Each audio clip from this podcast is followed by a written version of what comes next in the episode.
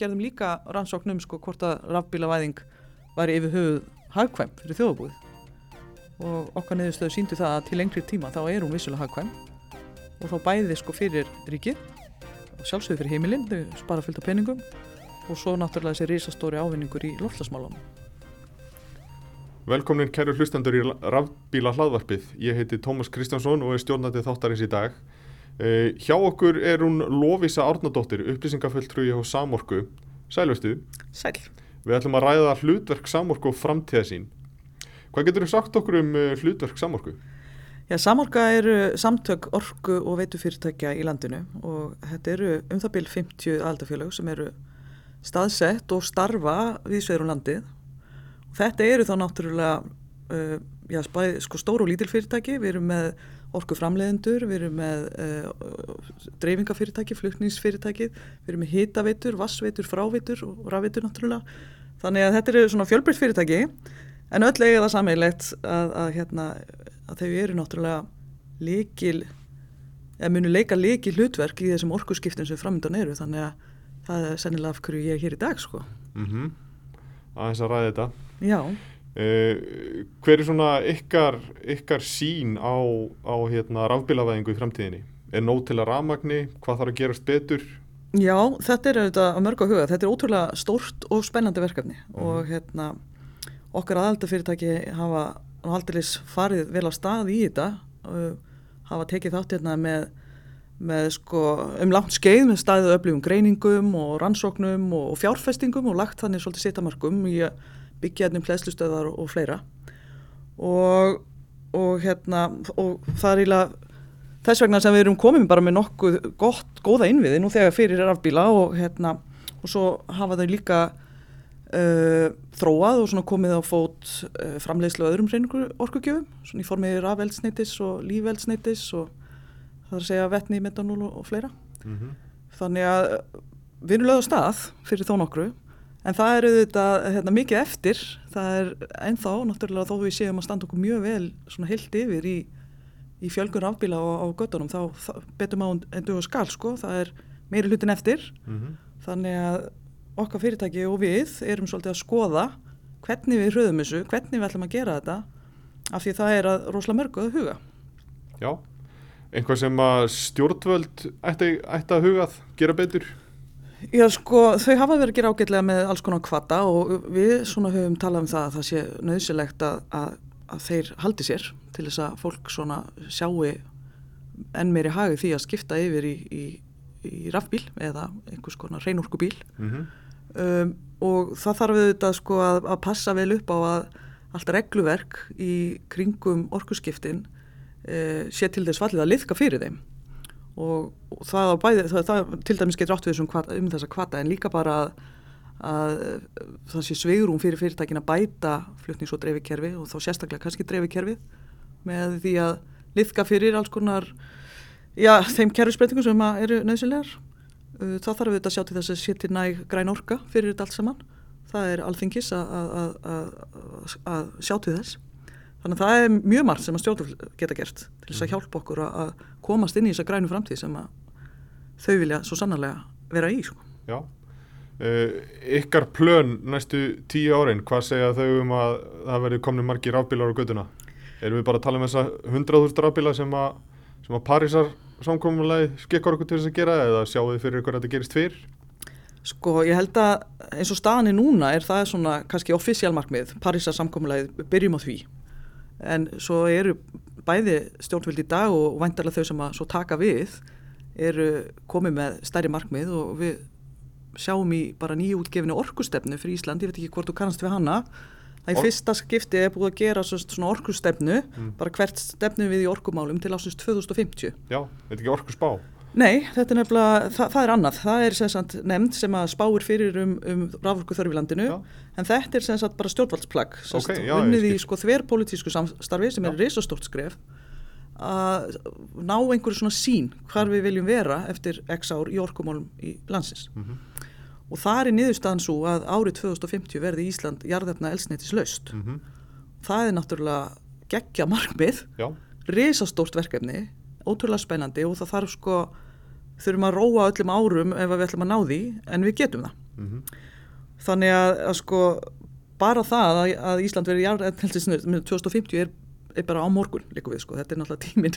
Það líður ótrúlega rætt það er ótrúlega stutt í það, já. Já, það er ótrúlega með stutt í hvað það. þarf mikið að gerast. Akkurat sko, þannig að hérna, það eru þetta stóra markmiði núna og við sjáum það að, hérna, í aðdraðanda kostninga þá eru, hafa, voru frambóðin svolítið að, setja á dagskrá uh, að gera hlutina enn fyrr.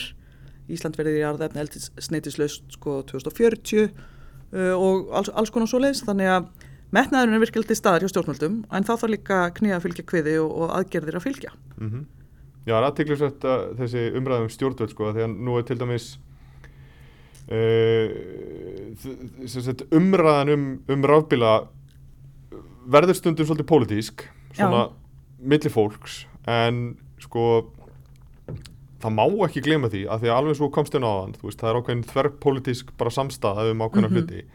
Og sko uh, til dæmis eins og fyrsta frumvarpi sem var lagt fram hérna 2012 um niðurfelling á gjöldum fyrir rafbíla eða hreinorkubíla þetta var bara samþygt einróma. Mm alveg svo allar aðra lagabreitingar sem að koma að þessu veist þannig að samstáð á alþingi virðist vera algjör þegar kemur að sagt, rafbílum eða, eða hreinorkubílum. En samt í umræðinu virðist þetta vera orðið, virðist þetta stundum vera pólitíst mál sko. Já, hvernig þá? Hvað, hvað menur bara maður heyri svona frá þú veist þessum örlittla greinandi minni hluta það er þú, gott orð hjá honum ja.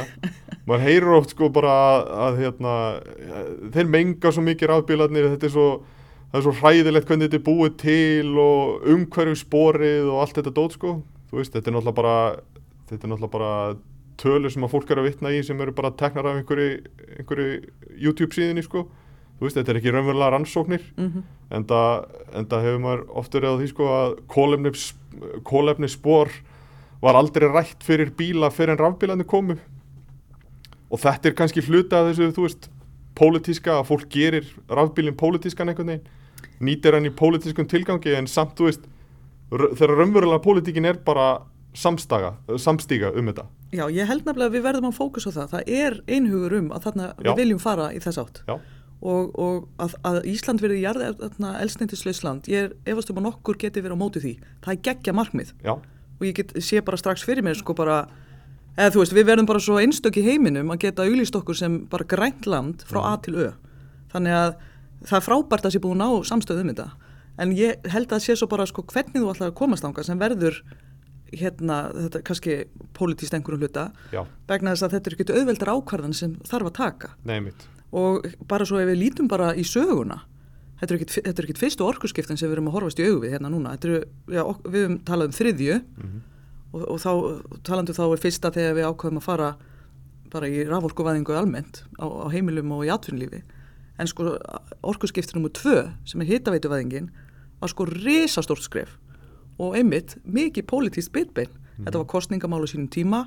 Margir sem töldu þetta vera sko, já bara já, bara bilun að fara þessa leið. Að, að því að þetta krafðist þess bara að heilu sveitafélagum bara sett á hliðina jáfnvel mörg ár að vera að grafa fyrir rörunum og, og þetta var ekki eins og sko já, það voru ekkert margir að, að nýta jarðhittina þennan hátt. Þannig að við höfum svolítið brautriðjendur þarna í bara nýsköpunar málum hvað var þar hittaveituvæðingu en í dag finnst okkur þetta rosalega eðlilegt.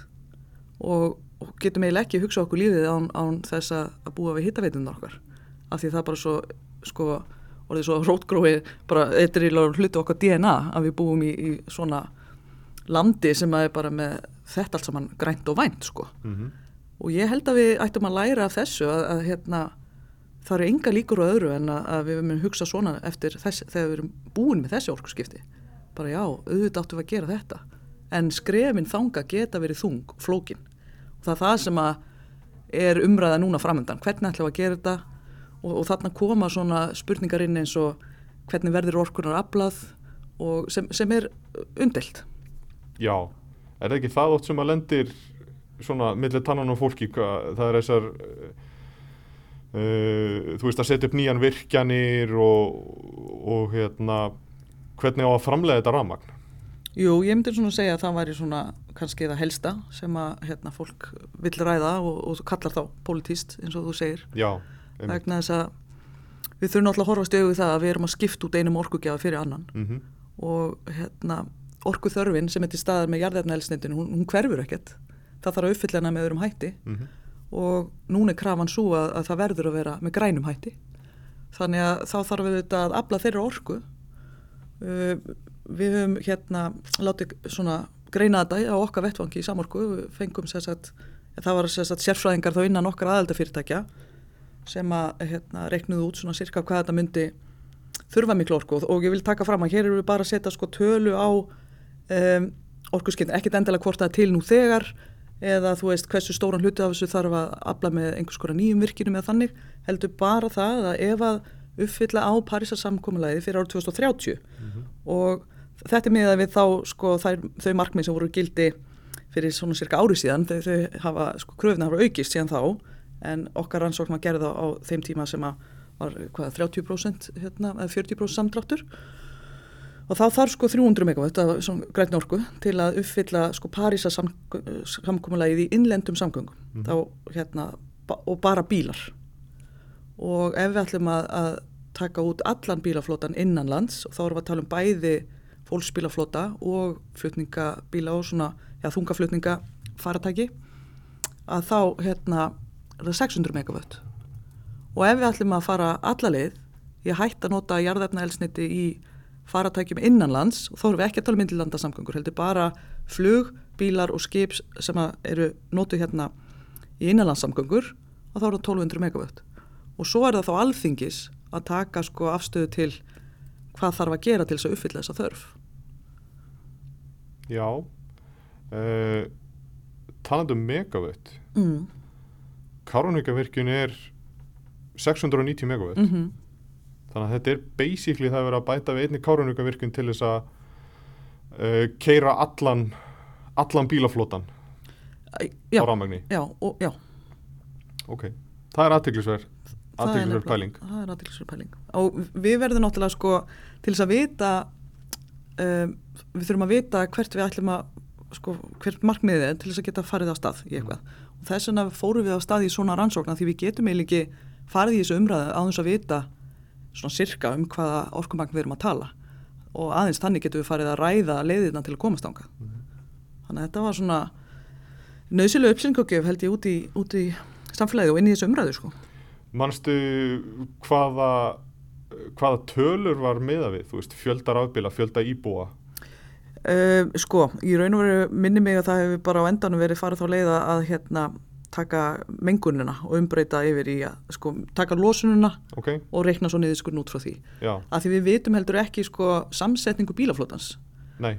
Af því að hérna það er spurningum hversu margir sko rafbíla verða, hversu margir vettninsbílar, aðrir svona reynorku bílar mm og þeir þurfa þetta mismikið rafmagn. -hmm. Þannig að það voru tölvert mismöndi margar sviðsmyndir settar fram e, í rannsókninni sem að má finna á samorka.is við erum með e, skýslu þar, þar sem hægt er að lesa já, og svo hérna horfa á erindi frá ásfundinum okkar 2020 þar sem að bara útskýrt betur já þá á íslensku skýrslan er bara ennsku þar er hægt að sjá hérna mismunandi sviðsmyndir og fleira Mhm. í erindinu og ég bara mæli eindrið með því. Þetta er mjög áhugavert og, og hérna og síni þá líka sko að það er í mörg hotna líta ef það er hægt að setja fram einhver eina sviðsmynd Mhm. af því við vitum ekki við vitum eiginlega ekki neitt.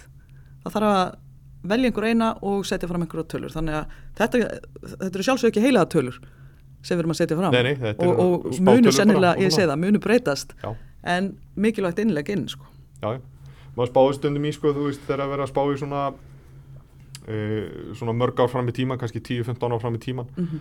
að, að sko uh, bara mannfjöld að spá hjá hagstofinni svigrum í henni eru kannski 40.000 manns á 15 ára tímabili sko. Og þetta, þetta maður skilur alveg að þetta, þetta setur svona ákveðin viðmö, viðmörk í allar svona spár varandi fjöldar afbíla sko já, já. og mér að- þetta eru viðfangsefni okkar fyrirtækið sem eru allan daginn að skipulegja framtíðina já, og þurfa að hugsa svona langt fram í tíman Já. og þetta á, jafn, þetta á við um frávitu og hittavitu og fleira bara hversu mörg hús þarf að hitu upp. Mm uh, og hérna hversu mikla, mikið ramagn þarf þetta, þurfa þess að nýju íbúðir og fleira. Og, og, og það er eins með þá sko við þurfum að byrja að undirbúa núna ef við ætlum að vera með einhverja nýja virkun eftir 10-15 ár, það tekur langan tíma að undibúa mm þannig að það þarf svolítið að horfa núna, alþengi þarf svolítið að fara að, að taka þessa heildamind og, og skoða hver verður þörfin í framtíðinni og svo taka skrefin í að, að uppfylla þá þörf -hmm. og ákveða með hvað hætti það verður gert. Já. Uh, varðandi hérna niðurfellingu gjöldum á Mhm. rafbílum sem við komum aðeins inn á aðan uh, sem svona, þetta er svona helsti kvatin sem að, sem að ríkistjórnin er búin að vera vinnað uh, eins og við vitum, þetta rennur út 2030, nei Mhm. 2023 segi uh, eða þá við 15.000 selda bíla sem að eins og staðan í dag verður trúlega í lok næsta árs. Hvað sér þið fyrir þér í framhaldinu? Þú veist, að því að nú er, nú er lögin bara, þau segja bara þetta, þetta endar þarna. Mm gengur það þurfti að, þú veist, ef ekki finnst þér að þurfa að framlengja þetta og ef svo er hversu lengi og undir hvað skilir þeim? Sko við hjá Samarko höfum talað fyrir því að, að þessi kvata verði áfram til staðar, að verði Já. ekki feldi niður vegna þess að nú heyrum við bara í síöknu mæli það að vera að tala um að þessi viljið til þess að hraða orkuskiptunum enn frekar Mm -hmm. og reynslan hefur sínt í öðrum löndum að þegar kvatarnir eru feldir niður að þá hægist á rafbílavæðingunni og það er engin ástæða til að að eitthvað annað gerist hér á landi. nei, nei. Þannig að það er það sem við tölum fyrir. Uh, hversu lengi þeir gilda á svona er, er ekki kannski einhver afstæða sem við erum með akkurat núna en, en við teljum þetta að vera nöðsulegan hluta af, af rafbílavæðingu og að hún gerist á tilsettum tíma. Mm Nú á sumið talað um sko að, að hérna uh, þetta hefur verið nöðsynlegt á sínu tíma að koma þess á bæði til þess að keira rafbílavæðingun á stað og, og líka bara því að rafbíla voru dýrari Mm í innkaupum heldur en, heldur en hérna, elstendisbílar eða svona sambarilega elstendisbílar nú er uh, nú hefur náttúrulega dýrasti hlutin af rafbílum sem er raflaðan, nú hefur hún náttúrulega hríðlækkaði verði og bara, uh, bara á síðustu tíu árum er hún búin að lækka tífalt í verði sem sagt, með við kiloastund og þú veist á sama tíma hafa það orðna tíu sunni betri, það er endast lengur það er bara allt í kringu rafluðuna, þú veist að taka minni pláss. Þannig að það er svona að tala maður stundum um sko að það eru hafa orðið hundra sinni betri á tíu árum. Uh, núna, er verið að, núna hefur maður svolítið séð að kannski svona 2025 cirka að þá þá séu rafbílinni komnið þangað. Þú veist þeir eru uh, á sama verði og elstendisbílar í framleiðslu sem því það að þeir ætti að vera á sambarilegu verði hérna á Íslandi. Uh, er það einhver þröskuldur sem við ættum að meða við eða ættum við að keira áfram á niðurfellingu á virðsaukaskatti einmitt til þess að hraða orkuskiptunum? Ég held að þur, það þurfa bara að vera margvíslegi kvatar til staðar. Já, og hérna og uh, við erum ekki með einhver afstöðu hver- hverjir þeir eru bestir eða hverjir virka best saman og, og svo framvegis. En, en, en við vitum það að, að það á að hraða þessu mm og þá þarf að róa því öllum árum að, að, að það virkilega hraðist. -hmm. og allir svona kvatar hjálpa til. já. Einhvað sérstætt annað sem að þú myndir sjá fyrir þér að uh, ríkistöndin geti gert? Veist, þetta er, þetta er svona svolítið bara uh, þetta er svona svolítið einhvað sem að höfðar bara til kaupandans. Uh, ég er nú einhvað lesið um að það er bílalegur eru með ákveðin kvata líka Mm -hmm. er fá, hérna uh, sem sagt, hvort að innkaupaverðið á rafbílum nýtist þeim sem skattafsláttur eða einhvað slíkt, mann ekki alveg hvernig þetta var þeim. Uh, eitthvað annað sem þetta eftir í hug sem að ríki geti gert? Ég, það þarf náttúrulega að veita fjármagni inn í innviðuppbyggingu já, og þar erum við að hérna við erum bílalegunar til dæmis bara risastór þáttur. Já, það þarf stórar hlæðslustöðar uh, við svona helstu staði eða þá kannski sérstaklega lefstöð mm um, þetta er mjög dýrt uh, og, þá þarf bæði stjórnvöld og enga aðeinar að koma inn í þessa uppbygging, uh, uppbyggingu innviðana já, og það er náttúrulega til orku sjóður sem er að styrkja þessi verkefni en, en upphæðinar eru ennþá tiltrúlega lágar og, og hérna, mætti huga því að, að, að gera þar hæri mm til þess að bara fleiri sjá sér fært að gera þetta. Það er dýrt að skipta um orkukerfi í heilu landi þannig að, að það þarf að vera einhver stuðningur til staðar og, og ríki þarf að taka myndalega þátt því að það eru þau sem setja markmiðin -hmm. þannig að, að hérna, það þarf að ná þeim. já, Uh, Það þarf líka að huga að bara í rauninu orkuþörfinni, myndi ég segja, og bara gera einhverja svona uh, greiningar á, á hver hún er inn í framtíðina þá bæði fyrir bara heimilega og atvinnulíf og svo þessi, þessi risastóru umskipti sem við erum að fara inn í umbylt okkar samgöngukerfi Mhm. til þess að, að hérna, ná okkar markmiðum og, hérna, og verða 100% græn þannig að það þarf að endur skoða ímislegt hvað það varðar og, og hérna uh, jafnvel já, jafnvel þá kannski bara endur skoða eins og ramma átlun eða eitthvað, eitthvað slíkt vegna þess að það er það tól sem að alþingi notar núna sem ákveðu hvaða orkulindir standa þjóðundi bóða til að nýta og hverju þá ekki. Og þá eru þær friðað til framtíðar. Mhm. þetta þarf kannski að fara svolítið saman af því að hérna, það er að segja orku þörfin og, og hérna, hvernig þetta er allt saman afgreitt. Vegna þess að, að þó við eigum alveg mjög mikið af orku auðlundum í landinu þá er ekki þar með sagt að, að séu allar jafn hendugar til nýtingar. Og, og við þurfum auðvitað að passa upp á að, að, að þetta sé bæði hagkvæmt og, og sem best fyrir náttúruna en það þarf alltaf að vinna mjög vel saman þannig að það þarf svolítið að taka þessa heldamind og, og hérna og, samin þetta betur, ork, orkuþörf og, nýtingu og, markmið framtíðurinn og, svo- fleira. Mm -hmm. uh, Myndur þú vilja sjá fleiri uh, svona uh, virkinar möguleika, þú veist ekki endilega fókus á vatnsafls eða veist, myndur þú vilja sjá fleiri, Já, bara fleiri, fleiri tegundir á orku. já, Já, vindorku til dæmis já, við höfum náttúrulega talað fyrir því á samorku sko, að, að vindorka sé þessi sjálfsögða viðbót við þær endurnýlu orku auðliti sem við erum að nýta nú þegar Já, og hérna bæði getur vindorku verið risið til hljóð hratt, Mhm. tekur ekki jafnlangan tíma eins og vassapsvirkjanir eða, eða jarvarma og þær eru líka geta uppfyllt uh, þörf til ákveðins tíma í senn mm þetta er ekki kannski bindandi fyrir framtíða kynnslóður að setja upp vindorkuver vegna þess að það er hægt að taka það niður og það er bara lámarks ummerki e- eftir, eftir vindmilur. já, jáfnvel hægt að færa Það er hægt að færa þær, Já. þannig að sko líftímin er hvað 20-25 ár upp í ja, 30, hvað svo leiðis og hérna þ- að, að þessum líftíma liðnum þá er að bara taka ákvörðum hvað þú vilt gera, hvort þú viljir setja upp nýjar um, sem eru tæknilegri og eftir nýjustu hérna, Mhm.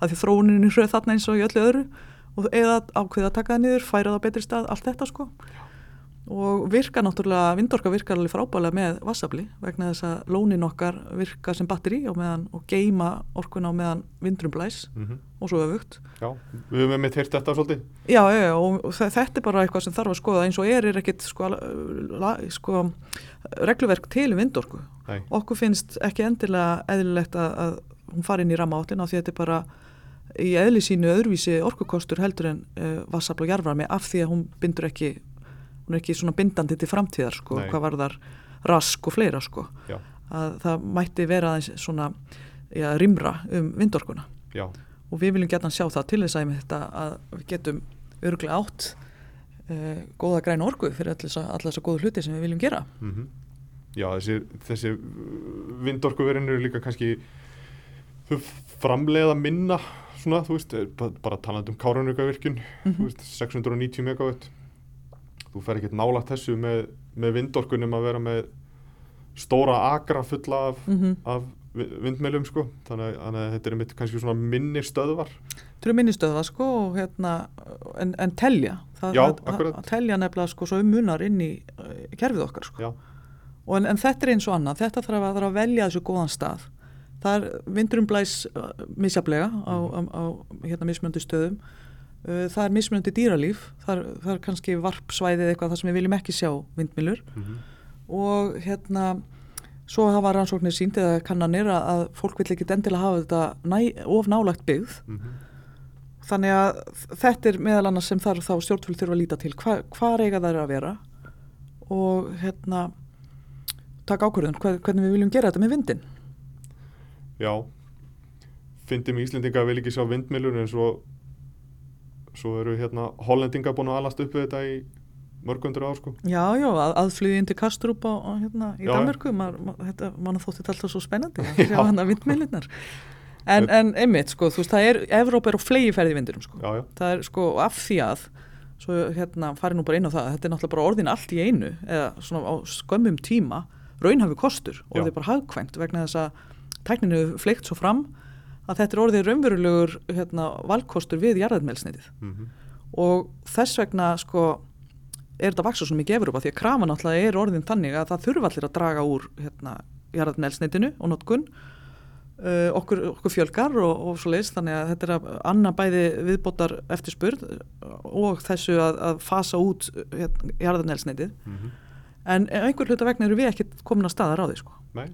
sem er uh, óvinnulegt með vennu lönd og við ættum endilega að skoða þetta til þess að í raun og veru við höfum haft sko samkynningsforskot í grætni orku íslendingar hinga til. Við erum uh, einstök og heimsmæli hvarða með að við þá sko, stóra hlutfall af okkar orkunótkun 85% er græn orka. Þetta, það er ekkert annar land í heiminu þar. Mm -hmm. Genið svona norðmenn vegna þess að sko, þeir framleiða ja, græn orku við en af því að nýting, sko, þeir eru bara 50% í nýting og græni orku. Það eru samgöngunar sem koma þann inn sem að skemma þetta hlutvall alveg svo í okkur. Þetta er mm fyrst og fremst á náttúrulega samgöngunar. Já þannig að þetta er ekkit sjálfgefi, það eru öll lönd og flegi ferð og það er allir á þessar vekkferð að komast og samastá við og lengra þannig að okkar samskip ef við ætlum að viðhalda því að vera í fremstu röð þá þurfum við að vinna að því viðhaldi sko. Er það kannski þessi góða vekkferð okkar sem við erum á sem heldur aftur af því að við skoðum vindmilur eitthvað að ráði? Vist, fólki finnst kannski bara nei við erum bara í fínu að því að við erum með svo mikið af vatsapsvirkjunum sko. Það er, getur vel verið að það spil inn í sko, við erum náttúrulega mjög góðu vön, við erum svolítið, Já, akkurat, kannski degur þarna, sko. við, við erum hérna bara búin að vera græn svo lengi sko, við Já. erum með núna kannski bara fólk á sipum aldrei við og, og þau sem yngri eru, eru hérna fyrsta kynnslóðun sem er að vaks úr grassi það sem hittaveituvæðingin var orðið norm, norm. Mm -hmm. hún er ekki að klárast fyrir en 80 eitthvað sko, þannig að hérna þetta er fólk sem kannast bara ekkit við annan veruleika en að vera í, með græna orku á, á sínu heimili mm -hmm. þetta er náttúrulega veist, alls ekki staðan í flest öllum öðrum löndum heimsins Nei. og þannig að ég held að, að það sé skilningurinn öðruvísi, veist, á þessum skrefum sem þarf að taka og hérna við erum náttúrulega bara búin að þessu fyrir löngu og þannig að næstu skref verða þá í raun og veru kannski alltaf erfiðast að taka síðustu, síðustu prósendin mm -hmm. alltaf erfiðast að missa síðustu þrjú kílóin skilur, þá hérna, þarf að taka bara já, svona stærri skref og, og sem kannski fara að býta og, og, og þá er þetta orðið svona uh, meira kannski bitbein sko. Já. Uh, Þið vorum með könnun hérna uh, 2019 verið til að ræða hana eins og segja okkur frá því? Já árið 2019 þá hérna fengum við til liðs við okkur 200 rafbílægjendur sem að leiða okkur að fylgjast með hvernig þeir hlaða bílinn sinn í heilt ár. Mm. fengum alveg ótrúlega góð viðbröð uh, þegar við sendum út beðni um, um hérna, að fá að gera þetta. Rafbíleigundur eru til í að sjá að hjálpa til við þróun og, og hérna leggja sitt á mörgum til þess að við getum haft þar upplýsingar sem til þarf til þess að geta tekið næstu skref. En tilgangunum með rannsóknu var einmitt að, að skoða í raun áhrif uh, rafbíla á kerfin í landinu, dreifikerfið og og sjá greina möguleg einhver að toppa og fleira. Og við kynntum þessa niðurstöður á þessum fyrrnemda ásfundi sem ég var að tala um sem, sem að bara nafnið orkuskipti, hvað þarf til. Og þar voru bara mjög áhugaverða niðurstöður sem að hérna, staðfestu á mörguleiti ymsar uh, svona, svona hegðunarmynstur af bílegenda sem að við vorum búin að gefa okkur fyrir fram. Það að flestir eru að hlaða heima hjá sér ekki í hraðleistu stöðum eða þú veist eða það sem fyrst í kostur er alltaf heimilið. Um, rosalega margir hlaða bílið sinn beint eftir vinnu. Bara þá hverjum degi? Uh, já, ég man nú ekki nákvæmlega hvort það var svo leiðis en það var allavega sínilegur álagspunktur þarna svona síðdeis og eins sko hérna svona, svona fyrir hát, kringum hátdegjum helgar og, og hérna þetta er svolítið bara sveipa trend eins og við sjáum almennt í kerfinu að fólk er að koma sér á fætur og hérna setja allt í gang fyrir brönsinn og, og, og eitthvað svona mm -hmm. um, og þá voru til dæmis líka tvinnbílar inn í þessu sem síndu að, að hérna, útrúlega marga ferðir eru þó farnar á rámagninu mm -hmm. þó að hérna, hreinorkubílinni sé nú alltaf langt bestir mm -hmm. Þannig að þetta var nú bara eins og aðra rannsóknum sem við staðið fyrir hérna átt að vera bara svona innlegin í umræðinu og hjálp okkar fyrirtækjum að, að, að undibúa það sem koma skal. Vegna þess að við erum auðvitað að tala um það að álægið og umferðinum dreifikerfi mun markfaldast já, bara tvöfaldast jáfnvel sko. Og þau þurfu náttúrulega fyrirtækin að undibúa sig og, og, og leysa málinn vegna þess að við viljum þetta öll að bara allir geti bara hlaðið þegar þið þurfa og, og hérna, lífið haldi áfram sem vana gang sko, og þú fáið því dramag þegar þú þarft. Já. en það gerist náttúrulega ekki sjálfur sér. Nei, við verðum að hafa þessar upplýsingar sko, og við höfum gert fleiri svona rannsóknum við gerðum líka rannsóknum sko, hvort að rafbílavæðing væri yfir höfuð hagkvæm fyrir þjóðabúið Mhm. og okkar neðustöðu síndu það að til lengri tíma þá er hún vissulega hagkvæm. Mhm. og þá bæði sko fyrir ríkið og sjálfsögur fyrir heimilinn, þau spara fullt af peningum og svo náttúrulega þessi risastóri ávinningur í loftlasmálunum já. Já. Uh, Nefndir aðeins þarna uh, helmings eða 50% ála, álaga á hérna, dreifikerfið. Nú gott gott að halda þetta til haga fyrir hlustendur að, að hérna, hér eru að tala um dreifikerfið ekki flutningskerfið, sem sagt flutningskerfið sem að fer um allt land sem að þjónustar að miklu leiti til sko, stóriðina en þe þessi hluti rammak sem, að- að heimilinn taka uh, þetta er er þetta að tala um 50% aukningu á þeirri orku. Já, já, Já. já, já sem verður flutt um þau kerfi. Já, og þau eru náttúrulega komið til ára sinna mörg hver. Upprunlega hönnun gerir ekki ráð fyrir uh, þessu álægi nei, þannig að þetta er eitthvað sem þarf að, að, horfa til hvað þarf endur nýja og veist, það þarf náttúrulega að styrkja þetta, það ætti nú að líka í augum uppi. Mm og það þarf mismikla styrkingu.